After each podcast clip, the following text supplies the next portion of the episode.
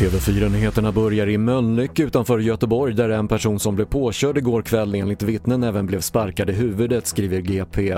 Polisen har hittat den inblandade bilen men inte föraren och skadeläget är oklart. Personer som upprepande skäl eller hotar butikspersonal ska kunna portas från butiker. Regeringen föreslår nu en lagändring som gör att personer ska kunna stoppas från att komma in i butiken under ett år och den som bryter mot tillträdesförbudet ska kunna dömas till fängelse. Och flera studenter vid Luleå tekniska universitet har stängts av för att ha fuskat vid en digital omtenta, skriver NSD. Studenterna anmäldes efter att 11 nästan identiska lösningar kommit in. Några har erkänt och berättat att de delat lösningar på Snapchat. Till sist fotboll. Malmö FF tog sig lätt vidare till nästa kvalrunda i Europa League igår efter hemmaseger med 5-0 över Lokomotiva Zagreb. Däremot släcktes Djurgårdens Europadrömmar av rumänska Cluj som avancerade efter 1-0-seger.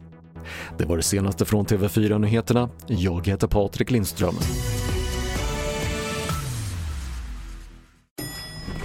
Nej. Dåliga vibrationer är att gå utan byxor till jobbet. Bra vibrationer är när du inser att mobilen är i bröstfickan. Alla abonnemang för 20 kronor i månaden i fyra månader.